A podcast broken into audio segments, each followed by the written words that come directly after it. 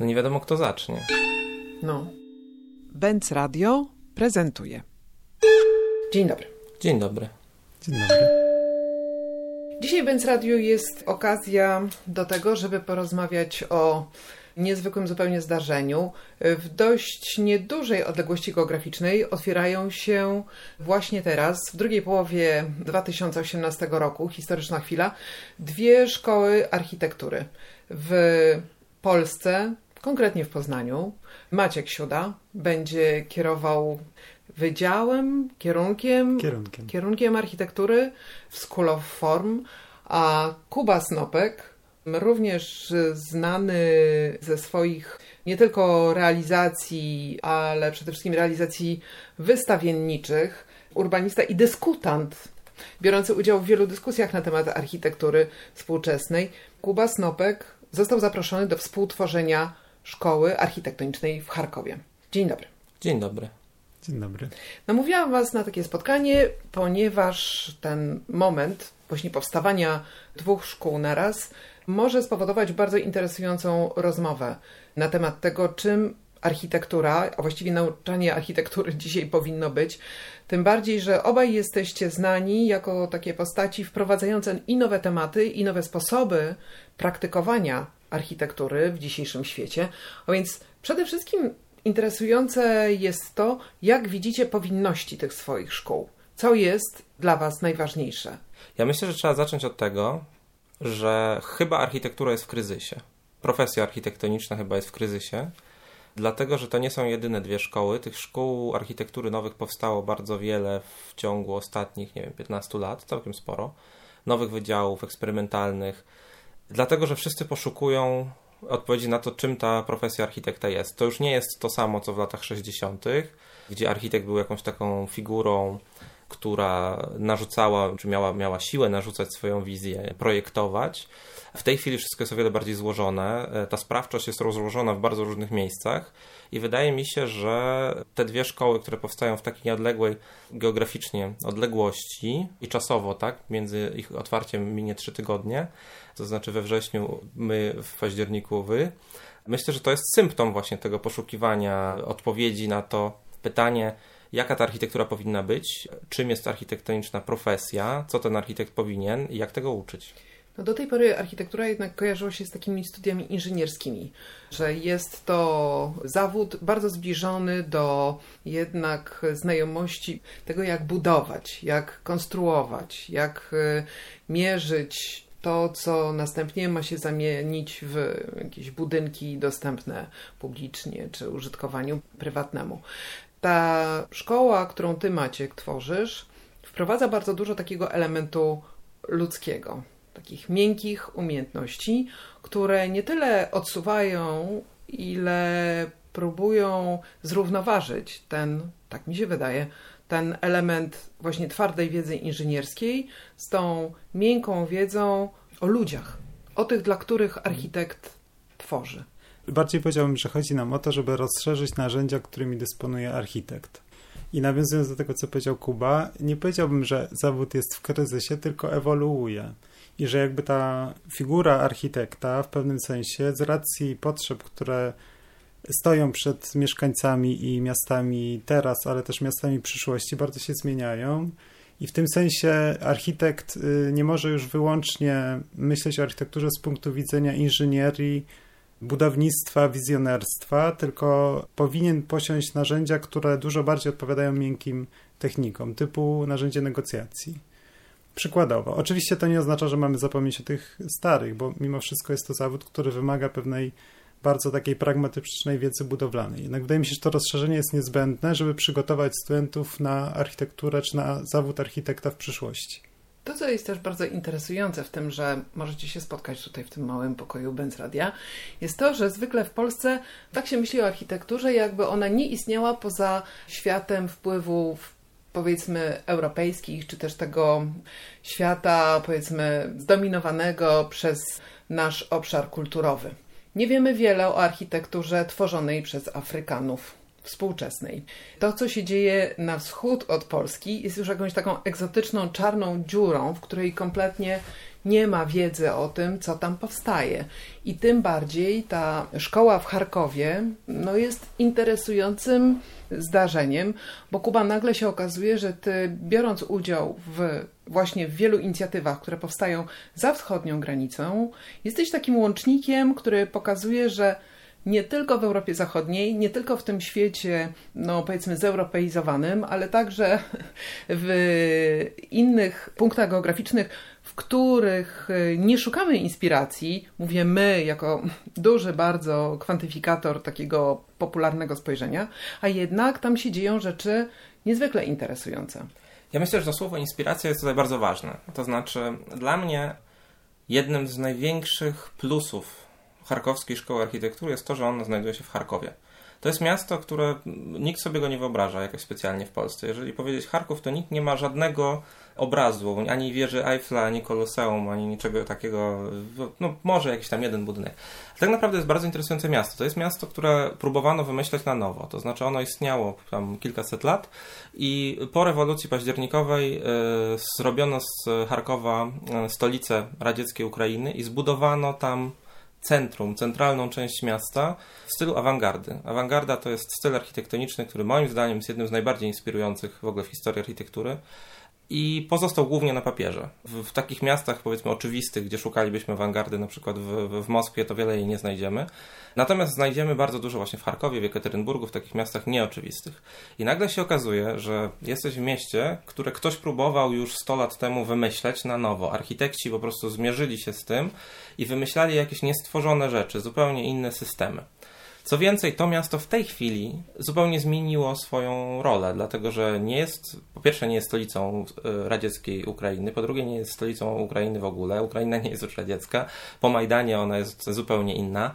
Charków znajduje się, nie wiem, 15 albo 20 kilometrów od rosyjskiej granicy, czyli jest miastem na końcu drogi w tej chwili, dlatego że granica jest zamknięta i musi siebie wymyśleć na nowo. Ja przyjechałem do Charkowa w maju czy w, w marcu, to uderzyło mnie na przykład, jak strasznie dużo jest. Yy, studentów z Indii i z Afryki. Jest to ogromny ośrodek studencki i oni po prostu widząc, że z Rosji już nie będą przyjeżdżać studenci, to nagle szybko obrócili się w stronę byłych krajów e, trzeciego świata tak zwanych. Więc e, jest to miasto pełne jakiejś absolutnie zaskakującej energii, pomieszanej z istniejącą już tam próbą sprzed 100 lat wymyślenia architektury miasta na nowo. Więc jako źródło inspiracji jest to na pewno najciekawsze miasto na Ukrainie, a może jedno z najciekawszych w ogóle we wschodniej Europie. A ty Maciek z kolei realizujesz swoje projekty często także poza tym naszym obszarem kulturowym. Budujesz w tej chwili szkołę w Afryce, w Matare, w Nairobi. Masz ze sobą doświadczenia indonezyjskie. I pojawiasz się tam jednak z tym bagażem takiego architekta, który, no jednak posiadając wykształcenie europejskie, stara się łączyć to, co jest lokalne, oddolne, wernakularne z wiedzą i wrażliwością, która pozwoli wypracować takie potencjały, które jednak może nie są czystą jakąś projekcją tego, co jest tej społeczności lokalnej jeden do jednego potrzebne, ale jakoś jest też filtrowane przez umiejętności, czy też wiedzę, czy doświadczenie, które ty przywozisz ze sobą. I jak to się z Twojego punktu widzenia przełoży na to, jak będzie wyglądał program szkoły, którą poprowadzisz? Wydaje mi się, że pewnym sensie to, co chcemy tam zrobić, to jest wykorzystanie potencjału, jaki niesie za sobą globalizacja. Powiem przewrotnie, bo globalizacja jest często krytykowana. Z mojego punktu widzenia zupełnie na odwrót. To znaczy, wydaje mi się, że umiejętne łączenie wiedzy lokalnej z wiedzą globalną, że w ogóle jakby ten nurt, nazwijmy to globalizacja, ale takiego otwarcia się globalnego, że nagle zaczęliśmy widzieć bardzo szeroko, daje nam bardzo duży, duże możliwości. I z mojego punktu widzenia architekt powinien być osobą, która posiada z tyłu głowy, w rękach, w sercu zestaw narzędzi, z którymi umie wejść praktycznie w każdą sytuację. Natomiast, żeby projekty, które będzie tworzył, bez względu na to, czy to będzie w Polsce, w Poznaniu, czy właśnie w Afryce, na przykład w Nairobi, czy w jakimkolwiek innym mieście, miejscu na Ziemi, musi posiadać również pewną wrażliwość, empatię na lokalne potrzeby, które są jednym z narzędzi, które są jakby podstawą jego pracy. I ta umiejętność nazwania kontekstu za każdym razem inaczej, zrozumienia, na czym polega kontekst w tej konkretnej sytuacji, bo kontekst stał się takim słowem wytrychem, który tak naprawdę zaczynamy przy, troszkę przykładać do wszystkiego. A ja bym powiedział, że kontekst trzeba po prostu umieć nazwać. On może być sparametryzowany na tysiąc różnych sposobów. Może być to wyłącznie oparte na na kontekście urbanistycznym, architektonicznym, a być może jest to miks e, psychologii, potrzeby pojedynczej osoby, bardzo prywatnej potrzeby, z jakimś zdarzeniem zupełnie, nie wiem, ekonomicznym, politycznym, czy, czy jeszcze inną sytuacją. Więc ta umiejętność zdefiniowania kontekstu, nazwania go w sytuacji, w której wchodzimy, jest, wydaje mi się, podstawą do tego, żeby dobrze pracować jako architekt. No więc ja bym powiedział, że to, co staramy się zrobić, to połączyć w pewnym sensie potencjał, który daje mimo wszystko pewne otwarcie się granic z takim wyczuwaniem lokalnych potrzeb i nie wchodzeniem w sytuację z tezą, tylko wchodzeniem z taką pustą kartką i przede wszystkim na początku zmapowanie tych podstawowych punktów, z czym w ogóle pracujemy i o co tutaj chodzi. Do czego będziecie uczyć studentów? Ja myślę, że tutaj mogę trochę kontynuować to, co, o czym Maciek zaczął mówić. My też na pewno widzimy globalizację jako coś bardzo pożądanego, ale też pewnego rodzaju zagrożenie, które wiąże się z tym, że nagle architekci projektują w miejscach, od których są oddaleni. To znaczy, kiedyś było tak, że jednak architekt przyjeżdżał na tą działkę, teraz bardzo często się zdarza tak, że że, że nie przyjeżdża, że, że w jakiś inny sposób ją obserwuje, albo że część pracy jest outsourcowana. To szczególnie jest ważne właśnie tam na Ukrainie. Tam oni bardzo często się śmieją, że Charków to jest back office e, Europy w różnych e, sytuacjach. Więc na pewno będziemy uczyć tego, że będziemy dawać takie uniwersalne narzędzia zrozumienia działki, zrozumienia tego, jak działa słońce, jak działa deszcz, jak działa klimat, co to jest e, grunt, skąd się biorą materiały budowlane i tak dalej. Coś, co jest uniwersalne, takie uniwersalne zasady kształtowania tego habitatu. Ja myślę, że nasze podejście jest oparte bardzo mocno na, na takiej tezie, że projektowanie architektoniczne to jest z jednej strony obserwacja, z drugiej strony projekcja. Że to jest jakaś równowaga pomiędzy umiejętnością zrozumienia rzeczywistości i umiejętnością jej zmiany, czy powiedzmy odwagą do jej zmiany. Bardzo często jest tak, bywają takie sytuacje skrajne, jeżeli sobie pomyślimy o skrajnych sytuacjach. Sytuacja skrajna numer jeden, architekt nie patrzy, co tam jest, po prostu buduje i ten budynek, jak kometa z kosmosu, spada po prostu na działkę. Druga sytuacja skrajna, nieskończone badania, które nie kończą się żadną konkluzją, albo konkluzją, że no w sumie nic nie można zrobić, bo wszystko trzeba chronić i ta kultura jest zbyt cenna, żeby tam cokolwiek budować. I y, wydaje mi się, że, że jednak ta, to architektoniczne projektowanie powinno być znalezieniem odpowiedniej równowagi pomiędzy jednym i drugim. Więc na pewno będziemy uczyć bardzo mocno umiejętności obserwacji. E, tutaj ja przywiozę ze sobą narzędzie. Ja przez 4 lata pracowałem w Instytucie Striełka, który się zajmował tylko badaniami architektury w Moskwie, więc to na pewno będzie tam bardzo rozwinięte, ale z drugiej strony umówiliśmy się, że nie będzie żadnych projektów, które nie zakończą się przestrzenną konkluzją, nie będzie zaprojektowanej przestrzeni, nie będzie jakiegoś odważnego działania w przestrzeni opartego o te badania. Maciek, czy u Was też tak będzie? W szkole w, School of Form jest kilka aspektów, które chcemy poruszyć. Powiedziałbym, że nad tym wszystkim jest takie jedno, jeden cel, który nam przyświeca, czyli nauczyć e, architektów myśleć. No w pewnym sensie Kuba tutaj powiedział o rozumieniu. To się wiąże bardzo mocno z rozumieniem, z krytycznym myśleniem, e, z krytycznym podejściem do tematu i w tym sensie pewnie to też jest szukanie sytuacji, w których architekt, jak zostanie postawiony przed jakimkolwiek zadaniem, przede wszystkim na początku umie podważyć to, co dostał.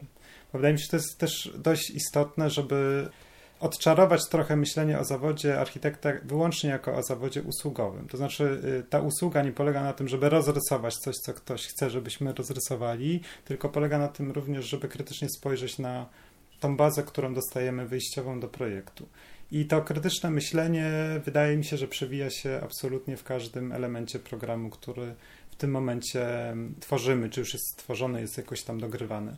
Może podam na przykładzie, bo pewnie dalej w rozmowie wejdziemy sobie w szczegóły programu, ale chyba charakterystyczny przykład to jest podział pierwszego roku, w którym chcemy uczyć studentów w czterech osobnych laboratoriach. On jako człowiek, który nic nie wie o architekturze, przechodzi taką drogę właśnie po czterech obszarach i przez 7 tygodni bardzo intensywnie skupia się wyłącznie na jednym temacie, czy jakby na jednym obszarze, w którym poznaje no właśnie te narzędzia, krytyczne myślenie, pracuje z ekspertami w tej konkretnej dziedzinie. I to są takie laboratoria jak rzemiosło, kontekst, technika i komunikacja. I ten przykład, o którym chciałem powiedzieć, jest wyjęty z laboratorium kontekst, to znaczy w tym laboratorium projektowanie, które będzie odbywało się na pierwszym roku w trakcie właśnie tych intensywnych siedmiu tygodni, będzie polegało na tym, że studenci będą dostawali przykład domu zrealizowanego, istniejącego, zaprojektowanego, nie domu, który będą wymyśleć od początku. I z tego domu będziemy wyjmować jakiś jeden charakterystyczny parametr. Przykładowo, jeżeli dom będzie wybudowany, no najbanalniejszy przykład, na górze, to my go wstawimy w środku pustyni albo na rondzie przy autostradzie i będziemy chcieli, żeby dokładnie ten sam dom przeprojektowali, mając zmieniony ten jeden kontekst. I to jest oczywiście kontekst stricte geograficzny, natomiast to może być równie dobrze kontekst psychologiczny albo ekonomiczny, że nagle właściciel domu z osoby średnio zamożnej dorabia się ogromnej fortuny i chce przeprojektować cały swój dom, mając do dyspozycji nieskończony budżet finansowy. I ileś innych sytuacji politycznych itd. Tak itd. Tak Więc y, wydaje mi się, że to pokazuje, że już u podstaw pokazujemy im podważanie y, stanu wyjściowego, że w zasadzie zmiana jednego parametru sprawia, że można kompletnie inaczej zaprojektować ten sam dom. I to jest jakiś przykład tego, co chcemy robić przez cały czas, to znaczy uczyć ich krytycznego myślenia, podważania, obserwowania, uważności. To jest chyba taki wyraz, który u nas się bardzo często powtarza. Uważności myślenia i wniesienia tego zawodu architekta na wyższy poziom, to znaczy z, takiego, z takiej usługi rysownika na usługę jednak eksperta, który umie też rozmawiać ze swoim klientem. A my doszliśmy do wniosku, że to znaczy doszliśmy do takiego samego wniosku, że architekt nie powinien być po prostu usługodawcą czy rzemieślnikiem, ale że powinien być zawodem zaufania publicznego, że, że, że to jest jednak, że za tym stoi pewna etyka, stoją pewne wartości. Więc e, w naszym programie e, bardzo duża będzie e, część humanistyczna, blok tak zwany Humanities nazywa się, gdzie studenci dostaną też taką teoretyczną bazę dotyczącą tego, w jakim kontekście architekt działa, w jakim kontekście społecznym, ekonomicznym. I będziemy próbować e, również wzbudzać takie dyskusje, żeby oni krytycznie patrzyli na to, co robią i zadawali sobie pytanie, po co to robią, e, dla kogo, jaka właściwie jest ich e, misja, żeby próbowali też dla siebie odpowiedzieć na pytanie, czym ta profesja architekta powinna być. Z badań, które przeprowadziliśmy na zlecenie Biura Architektury, miasta stołecznego Warszawy. To były badania zainicjowane i właściwie poprowadzone przez socjologa Macieja Frąckowiaka.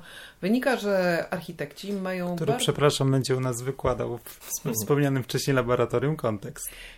Wynika z tych badań, że architekci mają bardzo duży problem z pogodzeniem różnych ról, przynajmniej czterech, jeśli nie więcej ról, które no, niczym w karuzeli, mogą się zmieniać w zależności od tego, z jakiego rodzaju sytuacją, zamówieniem, klientem, budżetem, sytuacją mają do czynienia ta niestabilność samej definicji tego, czym jest architekt, może być oczywiście w przypadku osób, które lubią takie mm, konieczności elastycznego dopasowania się do sytuacji, mogą być odczytywane jako wielki plus tego zawodu, ale czy nie widzicie zagrożeń tutaj, że rzeczywiście ta zmienność i właściwie dowolność definiowania tego, kim jest architekt poprzez sytuację, w której on się znajduje, że to stwarza takie zagrożenie, że ta architektura, czy też ten zawód architekta pozostanie, czy jest skazany na bardzo szerokie ramy. Jak wy widzicie właśnie to, że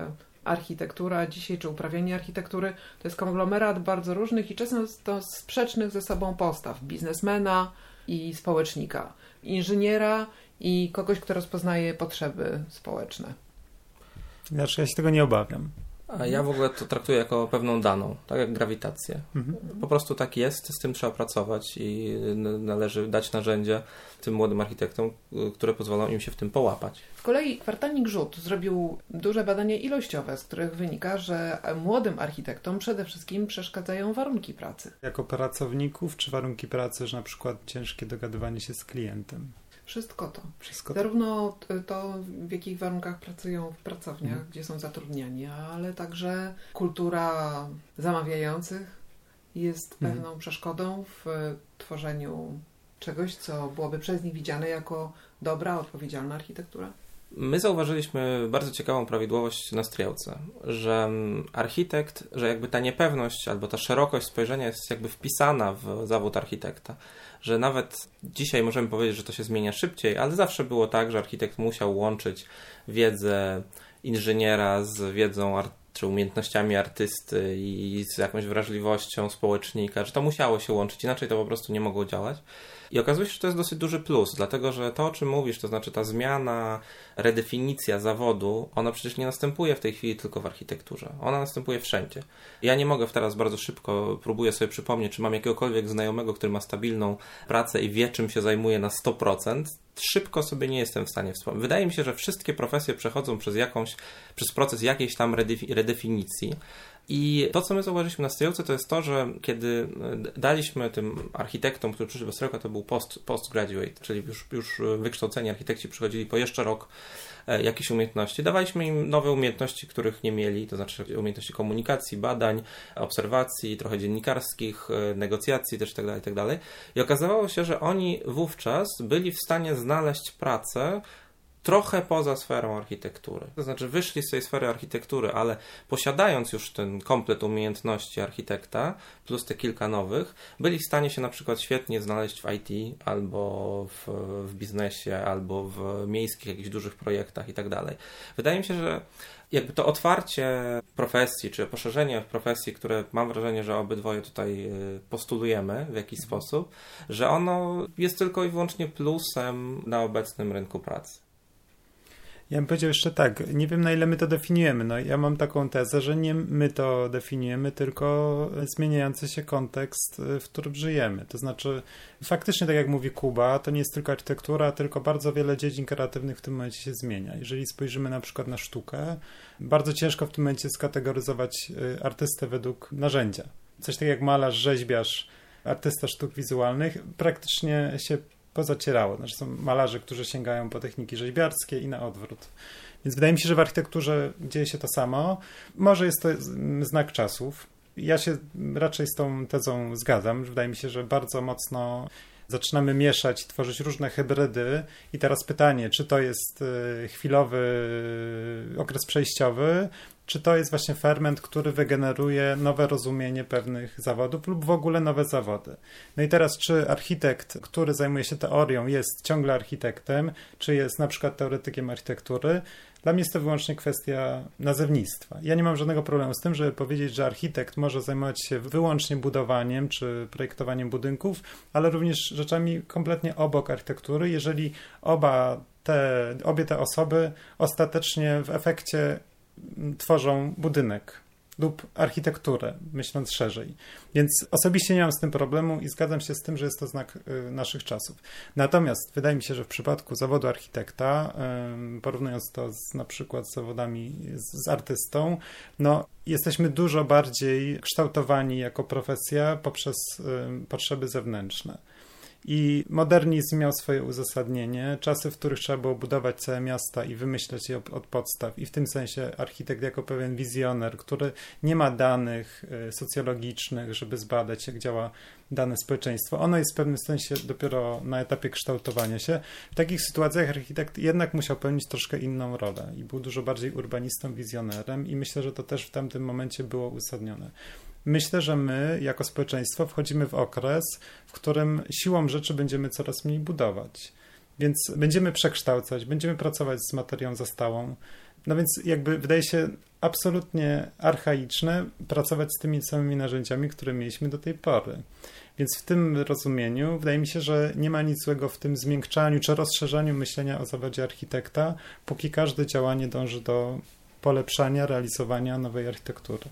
Jeśli więc y, marzycie o tym, aby zostać architektem, macie do wyboru dwie świetne, nowo powstałe szkoły.